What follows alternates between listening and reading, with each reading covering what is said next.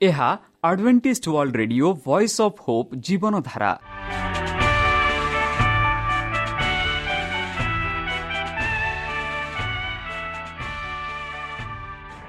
Odia radio କାର୍ଯ୍ୟକ୍ରମ ଯାହା ଆମର ଆନ୍ତର୍ଜାତୀୟ ଆଘାତ କେନ୍ଦ୍ରରୁ ପ୍ରସାରଣ କରାଯାଉଛି ପ୍ରତିଦିନ ରାତି ନଅଟା ତିରିଶ ମିନିଟ୍ରେ। ମୁଁ ସୁବ୍ରତ କୁମାର ପତି ପ୍ରେମର ସହ ଆପଣମାନଙ୍କୁ ଏହି କାର୍ଯ୍ୟକ୍ରମକୁ ସ୍ୱାଗତ କରୁଅଛି। ଚାଲନ୍ତୁ ଆଜିର ତିରିଶ ମିନିଟ୍ର କାର୍ଯ୍ୟକ୍ରମ ବିଷୟରେ ଜାଣିନେବା। ପ୍ରଥମେ ରଖିଛୁ ଆଧ୍ୟାତ୍ମିକ ଭକ୍ତିମୟ ଗୀତ। ଏହାପରେ ଶୁଣିବା ସ୍ୱାସ୍ଥ୍ୟ ବିଷୟରେ ଯାହା ଆମର ଦୈନିକ ଜୀବନରେ ଅତ୍ୟନ୍ତ ଜରୁରୀ। ଆଉ ପରିଶେଷରେ ଶୁଣିବା ପରମେଶ୍ୱରଙ୍କ ଭକ୍ତଙ୍କଠାରୁ ଜୀବନଦାୟକ ଈଶ୍ୱରଙ୍କ ବାକ୍ୟ। ପ୍ରିୟ ଶ୍ରୋତା ତାହେଲେ ଚାଲନ୍ତୁ ଶୁଣିବା ଏକ ଆଧ୍ୟାତ୍ମିକ ଭକ୍ତିମୟ ଗୀତ।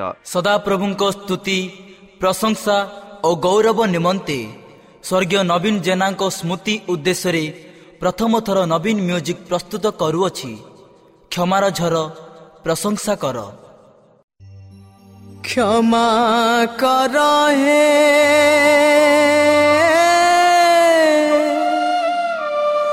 ক্ষমার সাগর ক্ষমা কর মতে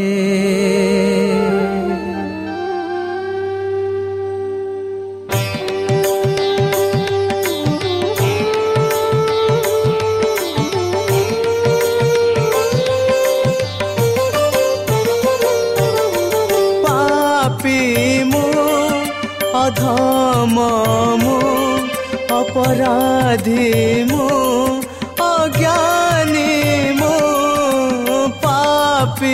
মু অধম মু, অপরাধী মু, অজ্ঞানী মু। দয়া কর হে প্রভু, মতে ক্ষমা কর হে প্রভু, মতে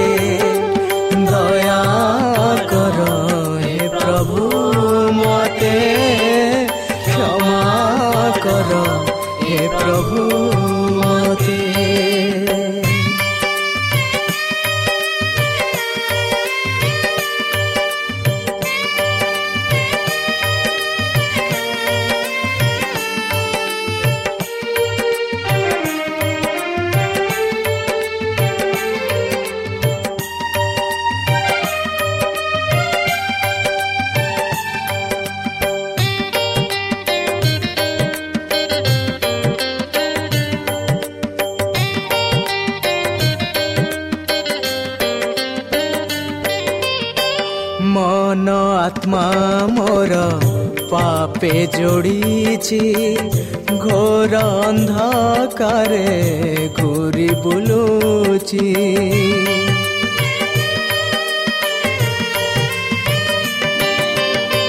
জানি ন জানি পাপ করিছি।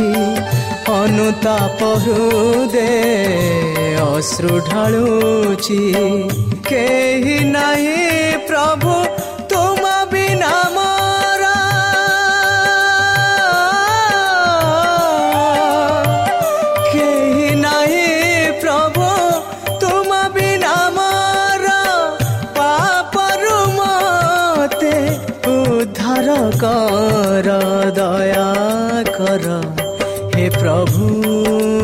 ମୋତେ କ୍ଷମା କର ହେ ପ୍ରଭୁ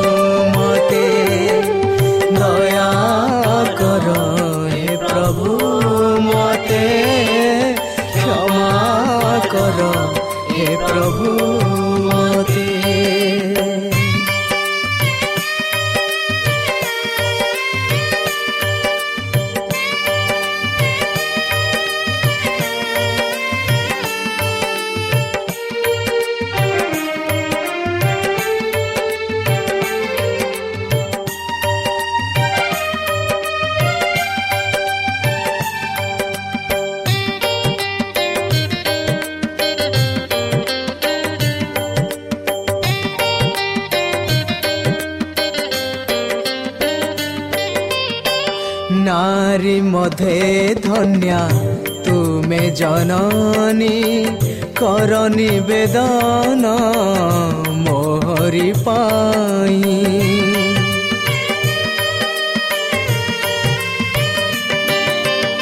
ସକଳ ସାଧୁ ସାଧ୍ୱୀ ଦୂତ ଗଣ ହେ ପ୍ରିୟଜନ କର ନିବେଦନ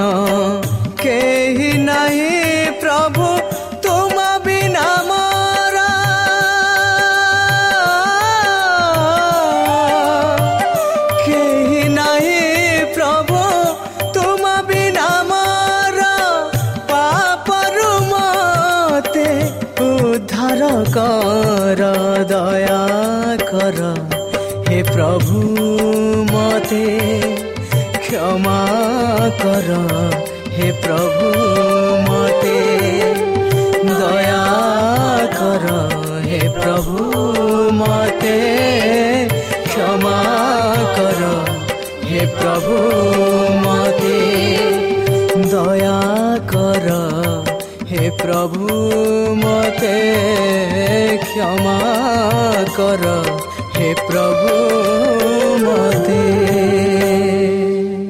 প্রিয় শ্রোতা আমি আশা করুছু যে আমার কার্যক্রম ଆପଣମାନଙ୍କୁ ପସନ୍ଦ ଲାଗୁଥିବ ଆପଣଙ୍କର ମତାମତ ଜଣାଇବା ପାଇଁ ଆମର ଏହି ଠିକଣାରେ ଯୋଗାଯୋଗ କରନ୍ତୁ ଆମ ଠିକଣା Adventist Media Centre SDA Mission Compound Salisbury Park Pune ଚାରି ଏକ ଏକ ଶୂନ ତିନି ସାତ ମହାରାଷ୍ଟ୍ର ବା ଖୋଲନ୍ତୁ ଆମର ୱେବସାଇଟ୍ ଯେକୌଣସି Android phone smartphone desktop laptop କିମ୍ବା ଟ୍ୟାବ୍ଲେଟ୍ ଆମର website W W W dot A W R dot O R G slash O R I ଏବଂ W W W dot Adventist Media Center India dot O R G ବର୍ତ୍ତମାନ ଚାଲନ୍ତୁ ଶୁଣିବା ଈଶ୍ୱରଙ୍କ ଭକ୍ତଙ୍କଠାରୁ ଈଶ୍ୱରଙ୍କ ଜୀବନଦାୟକ ବାକ୍ୟ।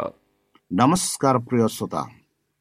ସେହି ସର୍ବଶକ୍ତି ସର୍ବଜ୍ଞାନୀ ପ୍ରେମର ସାଗର ଦୟାମୟ ଅନ୍ତର୍ଜମୀ ଅନୁଗ୍ରହ ପରମ ପିତାଙ୍କ ମଧୁର ନାମରେ ମୁଁ ପାଷ୍ଟ ପୂର୍ଣ୍ଣଚନ୍ଦ୍ର ଆଉ ଥରେ ଆପଣମାନଙ୍କୁ ଏହି କାର୍ଯ୍ୟରେ ସ୍ୱାଗତ କରୁଅଛି।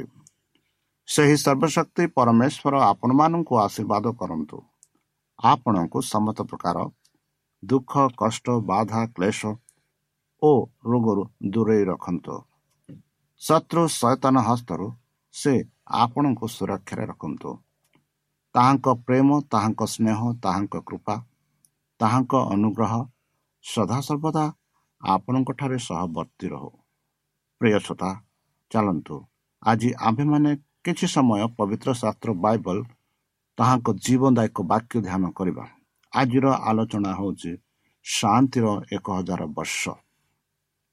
ବନ୍ଧୁ କେହି ଜଣେ କହିଲେ କି ଏହିପରି? ଶୈତାନକୁ ବନ୍ଧା ଯାଇଅଛି ଏବଂ ଆମ୍ଭେମାନେ ଏକ ହଜାର ବର୍ଷ ମଧ୍ୟରେ ଅଛୁ ବୋଲି। ସେତେବେଳେ ଜଣେ ପାଦ୍ରୀ ଏହିପରି ଉତ୍ତର ଦେଲେ ଯଦି ଶୈତାନ ବନ୍ଧା ହୋଇଛି ତାହାକୁ ଏପରି ଗୋଟିଏ ରବର ଜଞ୍ଜିରରେ ବନ୍ଧା ଯାଇଥିବା ଯାହାର ପାରିସରୁ ବମ୍ବେ ଓ ୱାସିଂଟନ ଠାରୁ ଡିସି ଠାରୁ କ୍ରେମଲିୟନ ପର୍ଯ୍ୟନ୍ତ ଲମ୍ବା ହୋଇଅଛି। ବନ୍ଧୁ ଆଜି ଆମମାନଙ୍କ ଚାରିପଟେ ଯାହା ଘଟୁଅଛି ତାହା ଦେଖି ଆମ୍ଭେମାନେ ଜାଣିପାରୁଛୁ ଯେ ଶୈତାନ ପୂର୍ବାପେକ୍ଷା ଆଜି ଅଧିକ କାର୍ଯ୍ୟକ୍ଷମ କରୁଅଛି।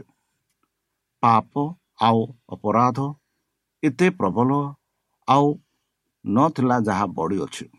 ଯାହା ହେଉ ବନ୍ଧୁ ଏପରି ଏକ ସମୟ ଆସୁଅଛି ଯେଉଁ ସମୟରେ ଶୈତାନର କାର୍ଯ୍ୟକଳାପକୁ ବନ୍ଦ ହୋଇଯିବ ହଠାତ୍ ବନ୍ଦ କରାଯିବ। ସେ ପରମେଶ୍ୱରଙ୍କ ସନ୍ତାନ ସନ୍ତତିମାନଙ୍କୁ ଆଉ ପରୀକ୍ଷା ଦୁଃଖ ଦେବ ନାହିଁ। ତାର ବିନାଶ ସମୟ ଆସିବ। ଏହି ଦିନ ପାଇଁ ସମଗ୍ର ପୃଥିବୀ ଉତ୍ସାହ ସହିତ ଅପେକ୍ଷା କରନ୍ତି। ବିଶ୍ୱମଣ୍ଡଳରେ ସମ୍ପୂର୍ଣ୍ଣ ଶାନ୍ତି ଓ ସୁଖ ବିରାଜମାନ କରିବ। ଶୈତାନକୁ ବନ୍ଧାଯିବ ବନ୍ଧୁ ଏକ ହଜାର ବର୍ଷ ସମୟକୁ ଯାହା ଆମେ ଇଂରାଜୀରେ କହୁଛୁ ମିଲିନିୟମ। ଏହି ଶବ୍ଦ ବାଇବଲରେ ମିଳେ ନାହିଁ। ଏହି ଦୁଇଟି ଲାଟିନ୍ ଶବ୍ଦ ଆସେ ଏବଂ ଅର୍ଥ ଏକ ହଜାର ବର୍ଷ ଶବ୍ଦ ଏକ ହଜାର ବର୍ଷ। ପ୍ରକାଶିତ ବାକ୍ୟ ଛଅ ପର୍ବରେ ଛଅରେ ଦେଖାଯାଉଛି ବିଲେ ବନ୍ଧୁ ଏକ ହଜାର ବର୍ଷ ଯୋଗୁଁ ଯାହା କିଛି ହେବାକୁ ଯାଉଛି ଏଥି ସମ୍ବନ୍ଧରେ ଅନେକଙ୍କର ଭାବନା ଏହା ଯେ ଏହା ଆମ୍ଭର ଆରମ୍ଭ ହୋଇ ଯାଇଛି ବୋଲି। କେତେକ ଭାବନ୍ତି ଏହା ଏକ ହଜାର ବର୍ଷ ଶାନ୍ତି। ଯାହା ହେଉ ଆମମାନଙ୍କୁ ଆଚର୍ଯ୍ୟ ଦେବା ହେବା ଦରକାର ନାହିଁ ବନ୍ଧୁ। ବାଇବଲ ଏହି ସମୟ ବିଷୟରେ କହେ ଏହାର ଆରମ୍ଭ ଉଦ୍ଦେଶ୍ୟ ଏବଂ ଅନ୍ତର ଉଦ୍ଦେଶ୍ୟ। ବନ୍ଧୁ ଏହି ପ୍ରଶ୍ନ ସବୁ ଏଇ ଆମେ ବିଶେଷ ଭାବରେ ଧ୍ୟାନ କରିବା। ତା ପୂର୍ବେ ଚାଲନ୍ତୁ ଆମେ ଦେଖିବା ପ୍ରକାଶିତ ବାକ୍ୟ ତାର କୋଡ଼ିଏ ପର୍ବ। ସେଠି ଜହନ ଏକ ଦର୍ଶନ ଦେଖୁଛନ୍ତି। ସେ ଦର୍ଶନରେ ସେ ଦେଖନ୍ତି ପରେ ମୁଁ ଜଣେ ଦୂତଙ୍କୁ ସ୍ୱର୍ଗରୁ ଓହ୍ଲାଇ ଆସିବାର ଦେଖିଲି। ତାହାଙ୍କ ହସ୍ତରେ ପାତାଳ କୁଣ୍ଡର ଚାବି ଓ ଗୋଟିଏ ବୃହତ୍ ଶୃଙ୍ଖଳ ଥିଲା। ଦୁଇ ପଦରେ ଆମେ ଦେଖୁ ସେ ସେହି ସର୍ପ ସେହି ପୁରାତନ ନାଗ ଅର୍ଥାତ୍ ଦିଆବଳ ଓ ଶୈତାନକୁ ଧରି ଏକ ସହସ୍ର ବର୍ଷ ପର୍ଯ୍ୟନ୍ତ ବାନ୍ଧି ପକାଇଲେ। ତିନି ପଦରେ ଆମେ ଦେଖୁ ପୁଣି ତାହାଙ୍କୁ ପାତାଲ କୁଣ୍ଡରେ ନିପେକ୍ଷ କରି ସେଥିର ମୁଖ ବନ୍ଦ କଲେ ଓ ତାହା ଉପରେ ମୁଦ୍ରାଙ୍କ ଦେଲେ। ଯେପରି ସେହି ଏକ ସହସ୍ର ବର୍ଷ ଶେଷ ନ ହେବା ପର୍ଯ୍ୟନ୍ତ ସେ ଜାତି ସମୂହକୁ ଆଉ ଭ୍ରାନ୍ତ କରିପାରିବ ନାହିଁ। ଏହାପରେ ଅଳ୍ପକାଳ ନିମନ୍ତେ ତାହାକୁ ମୁକ୍ତ ଦେବାକୁ ହେଲା। ପରେ ଚାରିପଦରେ ଆମେ ଦେଖୁଛୁ ପରେ ମୁଁ ସିଂହାସନ ସମୂହ ଦେଖିଲି। ସେହି ସବୁ ଉପରେ କେତେକ ବ୍ୟକ୍ତି ଉପବେଶନ କଲେ। ସେମାନଙ୍କୁ ବିଚାର କରିବାର କ୍ଷମତା ଦିଆଗଲା। ଆଉ ଯୀଶୁଙ୍କ ସାକ୍ଷ୍ୟ ଓ ଈଶ୍ୱରଙ୍କ ବାକ୍ୟ ନିମନ୍ତେ ଯେଉଁମାନଙ୍କ ଯେଉଁମାନଙ୍କର ମସ୍ତକ ଛେଦନ ହୋଇଥିଲା। ପୁଣି ଯେଉଁମାନେ ସେହି ପଶୁକୁ ବା ତାହାର ପ୍ରତିମାକୁ ପ୍ରମାଣ କରିନଥିଲେ ଓ ତାହାର ଚିହ୍ନ ଆପଣା ଆପଣା କପାଳରେ ଓ ହସ୍ତରେ ଧାରଣ ନ କରିଥିଲେ ସେମାନଙ୍କ ଆତ୍ମାମାନଙ୍କୁ ଦେଖିଲି। ସେମାନେ ଜୀବିତ ହୋଇ ଖ୍ରୀଷ୍ଟଙ୍କ ସହିତ ଏକ ସହସ୍ର ବର୍ଷ ପର୍ଯ୍ୟନ୍ତ ରାଜତ୍ୱ କଲେ। ଏହିପରି ଜହନ ଦେଖୁଛନ୍ତି। ଆମେ ପାଞ୍ଚ ପଦରେ ଦେଖୁ। ଅବଶିଷ୍ଟ ମୃତ୍ୟୁ ଲୋକମାନେ ସେହି ସହସ୍ର ବର୍ଷ ଶେଷ ନ ହେବା ପର୍ଯ୍ୟନ୍ତ ଜୀବିତ ହେଲେ ନାହିଁ। ଏହା ହିଁ ପ୍ରଥମ ପୁନରୁତ୍ଥାନ। ଯେଉଁମାନେ ପ୍ରଥମ ପୁନରୁତ୍ଥାନର ଅଂଶୀ ହୁଅନ୍ତି ସେମାନେ ଧନ୍ୟ ଓ ପବିତ୍ର। ଯେମାନଙ୍କ ଉପରେ ଦ୍ୱିତୀୟ ମୃତ୍ୟୁର କୌଣସି ଅଧିକାର ନାହିଁ ବରଞ୍ଚ ସେମାନେ ଈଶ୍ୱରଙ୍କ ଓ କୃଷ୍ଣଙ୍କ ଯାଜକ ହୋଇ ଏକ ସହସ୍ର ବର୍ଷ ପର୍ଯ୍ୟନ୍ତ ତାହାଙ୍କ ସହିତ ରାଜତ୍ୱ କରିବେ। ଆମେ ସାତ ପଦରେ ଦେଖୁ ସେହି ସହସ୍ର ବର୍ଷ ଶେଷ ହୁଅତେ ଶୈତାନ କାରାଗାରରୁ ମୁକ୍ତ ହେବେ। ଆଠ ପଦରେ ଆମେ ଦେଖୁ ସେଥିରେ ସେ ପୃଥିବୀର ଚାରି କୋଣରେ ଥିବା ଜାତି ସମୂହକୁ ଅର୍ଥାତ୍ ସମୁଦ୍ରର ବାଲୁକା ସଦୃଶ୍ୟ ଅସଂଖ୍ୟ ଯେ ଗୋଗ ଓ ମଗୋଗ ସେମାନଙ୍କୁ ଭ୍ରାନ୍ତ କରି ଯୁଦ୍ଧ ନିମନ୍ତେ ଏକତ୍ର କରିବାକୁ ବାହାରି ଯିବ ନ ପଦରେ ଆମେ ଦେଖୁ ସେମାନେ ପୃଥିବୀର ପ୍ରସ୍ତରେ ବିସ୍ତାରିତ ହୋଇ ସାଧୁମାନଙ୍କ ଶିବିର ଓ ପ୍ରିୟତମା ନଗରୀକୁ ବେଷ୍ଟନ କଲେ। ସେତେବେଳେ ସ୍ୱର୍ଗରୁ ଅଗ୍ନି ପଡ଼ି ସେମାନଙ୍କୁ ଗ୍ରାସ କଲା। ଦଶରେ ଆମେ ଦେଖୁ ଯେଉଁ ଦିଆବଲ ସେମାନଙ୍କୁ ଭ୍ରାନ୍ତ କରିଥିଲା ତାହାକୁ ଅଗ୍ନି ଗନ୍ଧକମୟ ଦ୍ରବ୍ୟରେ ନିକ୍ଷେପ୍ତ କରାଗଲା। ସେଠାରେ ସେହି ପଶୁ ଓ ଭଣ୍ଡ ଭାବବାଦୀ ମଧ୍ୟ ଅଛନ୍ତି। ପୁଣି ସେମାନେ ଦିବାରାତ୍ର ଯୁଗେ ଯୁଗେ ଯନ୍ତ୍ରଣା ଭୋଗ କରିବେ। ଏଗାର ପଦରେ ଆମେ ଦେଖୁ ତତ୍ପରେ ମୁଁ ଗୋଟିଏ ବୃହତ୍ତ ଶ୍ଵେତବର୍ଣ୍ଣ ସିଂହାସନ ଓ ତତ୍ଵପଦିଷ୍ଟ ବ୍ୟକ୍ତିଙ୍କ ଦର୍ଶନ କଲି। ବା ତଦୁପଦିଷ୍ଟ ବ୍ୟକ୍ତିଙ୍କୁ ଦର୍ଶନ କଲି। ତାହାଙ୍କ ମୁଖରୁ ପୃଥିବୀ ଓ ଆକାଶ ମଣ୍ଡଳ ପଳାୟନ କଲା। ସେମାନଙ୍କ ନିମନ୍ତେ ଆଉ ସ୍ଥାନ ମିଳିଲା ନାହିଁ।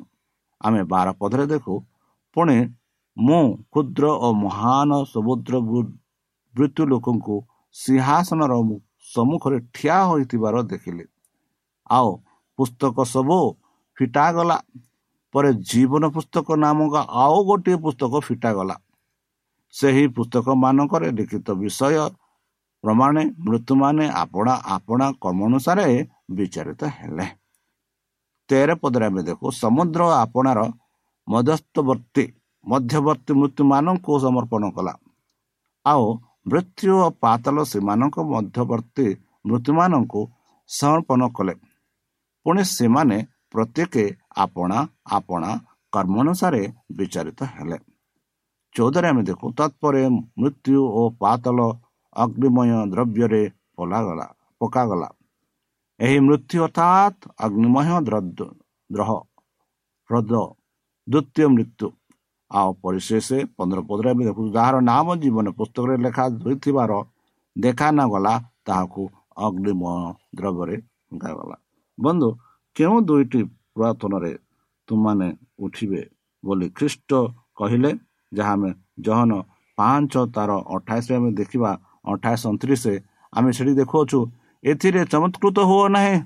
କାରଣ ଯେଉଁ ସମୟରେ ସମଧିସ୍ଥ ସମସ୍ତେ ତାହାଙ୍କ ସ୍ୱର ଶୁଣିବେ ଏବଂ ଯେଉଁମାନେ ସକର୍ମ କରିଅଛନ୍ତି ସେମାନେ ଜୀବନର ପୁନରୁତ୍ଥାନ ପୁନରୁତ୍ଥାନ ନିମନ୍ତେ ଓ ଯେଉଁମାନେ ଅସତ୍ କର୍ମ କରିଅଛନ୍ତି ସେମାନେ ଦଣ୍ଡର ପୁନରୁତ୍ଥାନ ନିୟମରେ ବାହାର ହୋଇ ଆସିବେ ଏପରି ସମୟ ଆସୁଅଛି। ବନ୍ଧୁ ଆମେ ଏଠି ଦୁଇ ଯାହା ଯୀଶୁଖ୍ରୀଷ୍ଟ ଆପଣ ଶିଷ୍ୟମାନଙ୍କୁ କହିଥିଲେ ଆଉ ଯୀଶୁଖ୍ରୀଷ୍ଟ କହନ୍ତି ଏଥିରେ ତମ ଚମତ୍କୃତ ହୁଅ ନାହିଁ। କାରଣ ଏମିତି ସମୟ ଆସୁଅଛି କି ସେହି ସମୟରେ ସମାଧସ୍ଥ ସମସ୍ତେ ତାଙ୍କର ସ୍ୱର ଶୁଣିବେ ମାନେ ଯେତେ ଲୋକ ସମାଧିରେ ଅଛନ୍ତି ମୃତ୍ୟୁ ଅଛନ୍ତି ସେତେବେଳେ ଯୀଶୁ ପ୍ରଭୁ ଆସିବେ ସେତେବେଳେ ତାହାଙ୍କ ସ୍ୱର ଶୁଣିବେ। ଯେଉଁମାନେ ସକର୍ମ କରି ଅଛନ୍ତି ମାନେ ଯେଉଁମାନେ ଭଲ କାମ କରିଛନ୍ତି ଯେଉଁମାନେ ଈଶ୍ୱରଙ୍କ ସେବା କରିଛନ୍ତି ସେମାନେ ଉଠିବେ। ଆଉ ସେମାନେ ଜୀବନର ପୁନରୁତ୍ଥାନ ପୁନରୁତ୍ଥାନ ନିମନ୍ତେ ଯେଉଁମାନେ ମାନେ ଯେଉଁମାନେ ଉଠିବେ ସେମାନେ ଜୀବନର ପୁନରୁତ୍ଥାନ ନିମନ୍ତେ ଉଠିବେ। ଆଉ ସେମାନେ ଯେଉଁମାନେ ଅସତ୍କର୍ମ କରିଛନ୍ତି ସେମାନେ ବି ଉଠିବେ। ଆଉ ସେମାନେ କାହିଁକି ଉଠିବେ?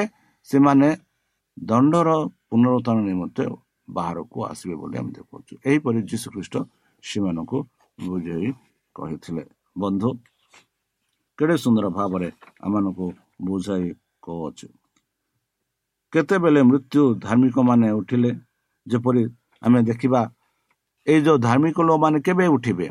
ଯେତେବେଳେ ଆମେ ଦେଖୁ ପ୍ରଥମ ଥେସଲନୀୟ ଚାରି ଷୋହଳ ସତରରେ ଆମେ ଦେଖିବୁ ସେଠି ପାଉଲ ଏହିପରି କହନ୍ତି କାରଣ ପ୍ରଭୁ ଆପେ ଆଦେଶ ଦେଇ ପ୍ରଧାନ ଦୂତଙ୍କ ସ୍ୱର ଓ ଈଶ୍ୱରଙ୍କ ତୁରି ବାଧ୍ୟ ସହିତ ସ୍ୱର୍ଗରୁ ଅବତରଣ କରିବେ।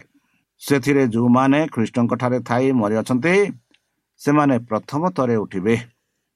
ପରେ ଆମେମାନେ ଯେତେ ଲୋକ ଜୀବିତ ରହି ଅବଶିଷ୍ଟ ଥିବ ପ୍ରଭୁଙ୍କ ସହିତ ସାକ୍ଷାତ କରିବା ନିମନ୍ତେ ଆମ୍ଭେମାନେ ସେମାନଙ୍କ ସହ ମେଘମାଳାରେ ଶୂନ୍ୟମଣ୍ଡଳକୁ ନୀତ ହେବା।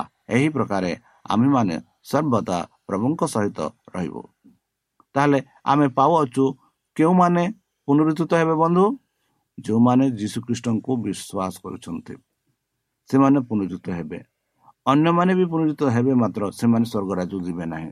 ମାତ୍ର ଏମାନେ ପ୍ରଥମ ଥର ଯେଉଁମାନେ ଯାହା ଆମେ ପଢୁ କାରଣ ପ୍ରଭୁ ଆପେ ଆଦେଶ ଦେବେ କିଏ ଆଦେଶ ଦେବେ? ପ୍ରଭୁ ଆଦେଶ ଦେବେ। ପ୍ରଭୁ ଆପଣ ପ୍ରଧାନ ଦୂତଙ୍କୁ ଆଦେଶ ଦେବ। ଆଉ ସେ ଦୂତ ମାନେ ତୁରି ବଜାଇବେ। ଆଉ ସେଇ ଯୋଉ ସ୍ୱର ଶୁଣେ ସେଇ ଯୋଉ ଖ୍ରୀଷ୍ଟ ଖ୍ରୀଷ୍ଟଙ୍କ ନାମରେ ଯେତେ ଲୋକ ମରିଅଛନ୍ତି ସେମାନେ ପ୍ରଥମେ ଉଠିବେ ବୋଲି ଆମେ ଦେଖୁଅଛୁ। ଆଉ ପରେ ଯେତେ ଲୋକ ବଞ୍ଚୁଛନ୍ତି ସେମାନେ ମଧ୍ୟ ମିଶି ସେଇ ଯୋଉ ମେଘମାଳାରେ ଶୂନ୍ୟମଣ୍ଡଳକୁ ନୀତ ହେବେ ମାନେ ଯୀଶୁଙ୍କ ସହିତ ସାକ୍ଷାତ ପାଇଁ ଯିବେ ବୋଲି ଆମେ ଦେଖୁଅଛୁ। ବନ୍ଧୁ ଯେପରିକି ଆମକୁ ପ୍ରକାଶିତ କୋଡ଼ିଏ ଛଅରେ ଏବେ ପାଉଅଛୁ ଆଉ ଏକ ସୁନ୍ଦର ପଦ ଯାହା ଆମମାନଙ୍କୁ କୁହେ କି କି ଯେଉଁମାନେ ପ୍ରଥମ ପୁନରୁତ୍ଥାନର ଅଂଶୀ ହୁଅନ୍ତି ସେମାନେ ଧନ୍ୟ ଓ ପବିତ୍ର ସେମାନଙ୍କ ଉପରେ ଦ୍ୱିତୀୟ ମୃତ୍ୟୁର କୌଣସି ଅଧିକାର ନାହିଁ।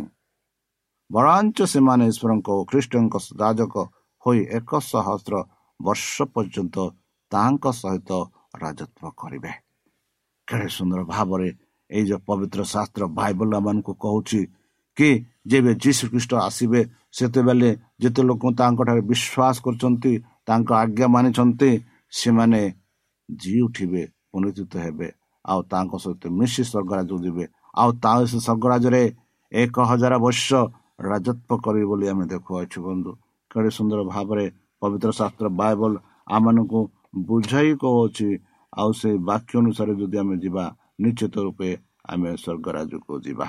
ବନ୍ଧୁ ଯଦି ଆମେ ପ୍ରଥମ ଥେସଲ ଚାରି ଷୋହଳ ଦେଖିବା ସେଠି ଆମେ ଦେଖୁଛୁ କାରଣ ପ୍ରଭୁ ଆପେ ଆଦେଶ ଦେଇ ପ୍ରଧାନ ଦୂତ ସ୍ୱର ଓ ଈଶ୍ୱରଙ୍କ ତୁରି ବାଧ୍ୟ ସହିତ ସ୍ୱର୍ଗରୁ ଅବତରଣ କରିବେ ସେଥିରେ ଯେଉଁମାନେ ଖ୍ରୀଷ୍ଟଙ୍କ ଠାରେ ଥାଇ ମରିଅଛନ୍ତି ସେମାନେ ପ୍ରଥମ ଥର ଉଠିବେ।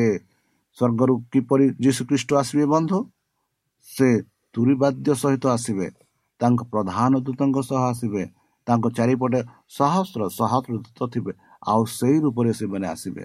ଯୀଶୁଖ୍ରୀଷ୍ଟ ଆସିବ। ଆଉ ଯେବେ ଯୀଶୁଖ୍ରୀଷ୍ଟ ଆସିବ ସେତେବେଳେ ଯେତେ ଲୋକ ତାହାଙ୍କ ନାମରେ ମୃତ୍ୟୁ ହୋଇଛନ୍ତି ସେମାନେ ଉଠିବେ ବୋଲି ପ୍ରଥମ ତେସଲୁନି ଛଅ ଷୋହଳରେ ଆମେ ପାଉଅଛୁ। ବନ୍ଧୁ ପ୍ରକାଶିତ କୋଡ଼ିଏ ଚାରି ଛଅରେ ଆମେ ଦେଖୁଅଛୁ ପରେ ମୁଁ ସିଂହାସନ ସମୂହ ଦେଖିଲି।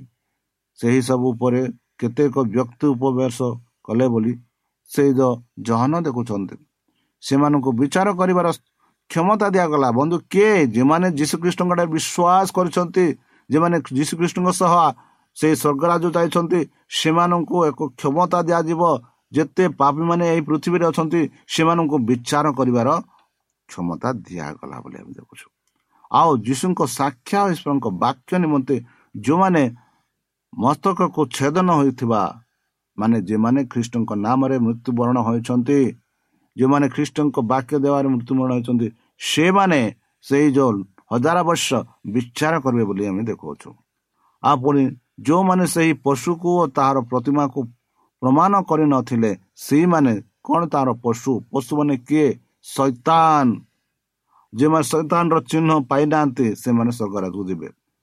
ଓ ତାହାର ଚିହ୍ନ ଆପଣା ଆପଣା କପାଳରେ ଓ ହସ୍ତରେ ଧାରଣ କରିନଥିଲେ ସେମାନଙ୍କ ଆତ୍ମାକୁ ଦେଖିଲି ବୋଲି ଜହନ ଦେଖୁଛନ୍ତି ବନ୍ଧୁ। ସେମାନେ ଜୀବିତ ହୋଇ ଖ୍ରୀଷ୍ଟଙ୍କ ସହିତ ଏକ ସହସ୍ର ବର୍ଷ ରାଜତ୍ୱ କଲେ।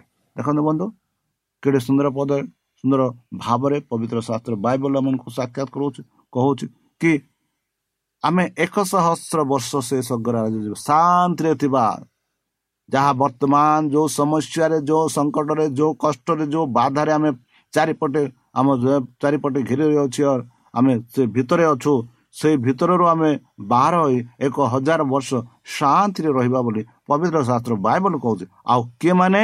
ଯେଉଁ ଲୋକମାନେ ଈଶ୍ୱରଙ୍କ ଆଜ୍ଞା ମାନିଛନ୍ତି ଈଶ୍ୱରଙ୍କ ବାକ୍ୟକୁ ସାକ୍ଷାତ କରିବା ନିମନ୍ତେ ନିଜ ମତକୁ ଛେଦନ କରିଛନ୍ତି ଯେଉଁମାନେ ପ୍ରତିମା ପୂଜା କରୁନାହାନ୍ତି ଯେଉଁମାନେ ସେଇ ଶୈତାନଙ୍କୁ ପୂଜା କରୁନାହାନ୍ତି ସେମାନେ ସ୍ୱର୍ଗରାଜ ଯିବେ।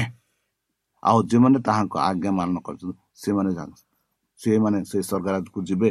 ଆଉ ସେମାନେ ଯୀଶୁଖ୍ରୀଷ୍ଟଙ୍କ ସହ ସହସ୍ର ବର୍ଷ ହଜାର ବର୍ଷ ରାଜତ୍ୱ କରିବେ ବୋଲି ଆମେ ଦେଖୁଅଛୁ ତାପରେ ଆମେ ଦେଖୁଛୁ ଅବଶିଷ୍ଟ ମୃତ୍ୟୁ ଲୋକମାନେ ସେହି ସହସ୍ର ବର୍ଷ ଶେଷ ନ ହେବା ପର୍ଯ୍ୟନ୍ତ ଜୀବିତ ହେବେ ନାହିଁ ଏହି ହିଁ ପ୍ରଥମ ପୁରା ଅବଶିଷ୍ଟ ଲୋକମାନେ ଯେଉଁମାନେ ଯୀଶୁକୁ ବିଶ୍ୱାସ କରୁନାହାନ୍ତି ସେହି ସହସ୍ର ବର୍ଷ ପର୍ଯ୍ୟନ୍ତ ସେମାନେ ଉଠିବେ ନାହିଁ ଯେଉଁମାନେ ପ୍ରଥମ ପୁରା ପୁନରୁତ୍ଥାନର ଅଂଶୀ ହୁଅନ୍ତି ସେମାନେ ଧନ୍ୟ ଓ ପବିତ୍ର ମାନେ ଏଠି ଦୁଇ ପୁନରୁତ୍ଥାନ ହେଉଛି ପ୍ରଥମ ଦ୍ୱିତୀୟ ଆଉ ଯେଉଁମାନେ ପ୍ରଥମରେ ପୁନରୁତ୍ଥାନର ଅଂଶ ହୁଅନ୍ତି ସେମାନେ ଧନ୍ୟ ଇଂରାଜୀର ବ୍ଲେସର ଆର୍ ଦୋଜ ମାନେ ଯେଉଁମାନେ ପ୍ରଥମ ପୁନରୁତ୍ଥାନରେ ଅଂଶୀଦାରୀ ହେଉଛନ୍ତି ସେମାନେ ଧନ୍ୟ ଆଉ ଧନ୍ୟ ହିଁ ନୁହେଁ ସେମାନେ ପବିତ୍ର ବୋଲି ଆମେ ଦେଖୁଅଛୁ ଆଉ ଯେମାନେ ଯେଉଁମାନଙ୍କ ଉପରେ ଦ୍ୱିତୀୟ ମୃତ୍ୟୁର କୌଣସି ଅଧିକାର ନାହିଁ ସେମାନେ ଆଉ ମୃତ୍ୟୁ ହେବେ ନାହିଁ ବରଂ ସେମାନେ ଈଶ୍ୱରଙ୍କ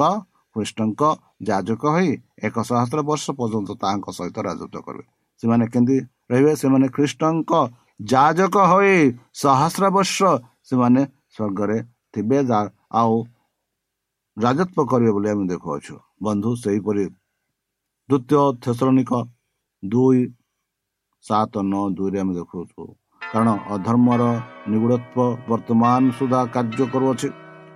ବାଧ୍ୟ ହେଉଥିବା ବ୍ୟକ୍ତି ଦୂର ଦୂରୀକୃତ ନ ହେବା ପର୍ଯ୍ୟନ୍ତ ତାହା କାର୍ଯ୍ୟ କରୁଥିବା।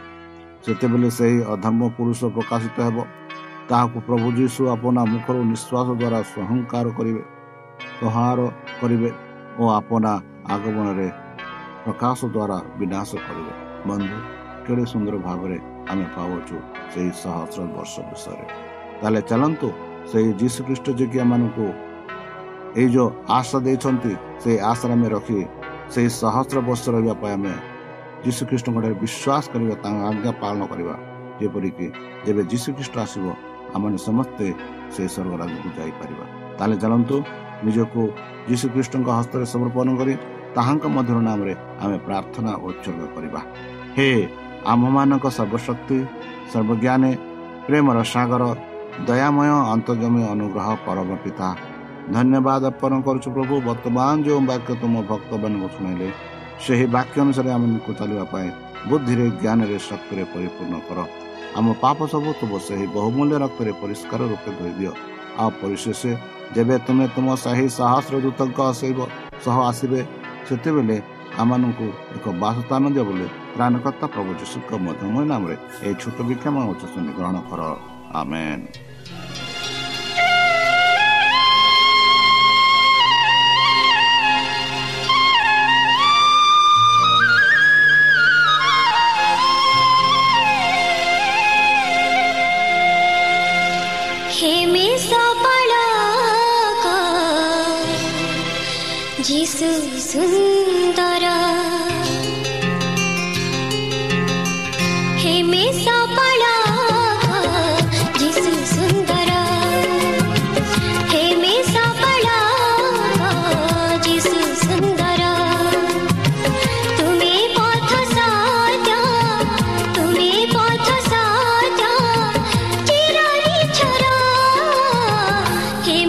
শ্ରୋତା ଆମେ ଆଶା କରୁଛୁ ଯେ ଆମର କାର୍ଯ୍ୟକ୍ରମ ଆପଣମାନଙ୍କୁ ପସନ୍ଦ ଲାଗୁଥିବ। ଆପଣଙ୍କର ମତାମତ ଜଣାଇବା ପାଇଁ ଆମର ଏହି ଠିକଣାରେ ଯୋଗାଯୋଗ କରନ୍ତୁ। ଆମ ଠିକଣା Adventist Media Center SDA Mission Compound Salisbury Park Pune ଚାରି ଏକ ଏକ ଶୂନ ତିନି ସାତ ମହାରାଷ୍ଟ୍ର। ବା ଖୋଲନ୍ତୁ ଆମର ୱେବସାଇଟ୍ ଯେକୌଣସି Android phone smartphone desktop laptop କିମ୍ବା ଟ୍ୟାବ୍ଲେଟ୍। ଆମର ୱେବସାଇଟ୍ www.awr.org/ori ଏବଂ www.adventistmediacenterindia.org ଆଡ଼ଭେଣ୍ଟିସ୍ଡ ମିଡିଆ ସେଣ୍ଟର ଇଣ୍ଡିଆର ସ୍ପେଲିଂ ହେଉଛି A D V E N T I S T M E D I A C E N T R E I N D I A ଅଥବା download କରନ୍ତୁ ଆମର mobile app ଆପଣଙ୍କର mobile play ଷ୍ଟୋରକୁ ଯାଆନ୍ତୁ ଆଉ type କରନ୍ତୁ the voice of hope ଆଉ download କରନ୍ତୁ। ଈଶ୍ୱର ଆପଣଙ୍କୁ ଆଶୀର୍ବାଦ କରନ୍ତୁ। ଧନ୍ୟବାଦ।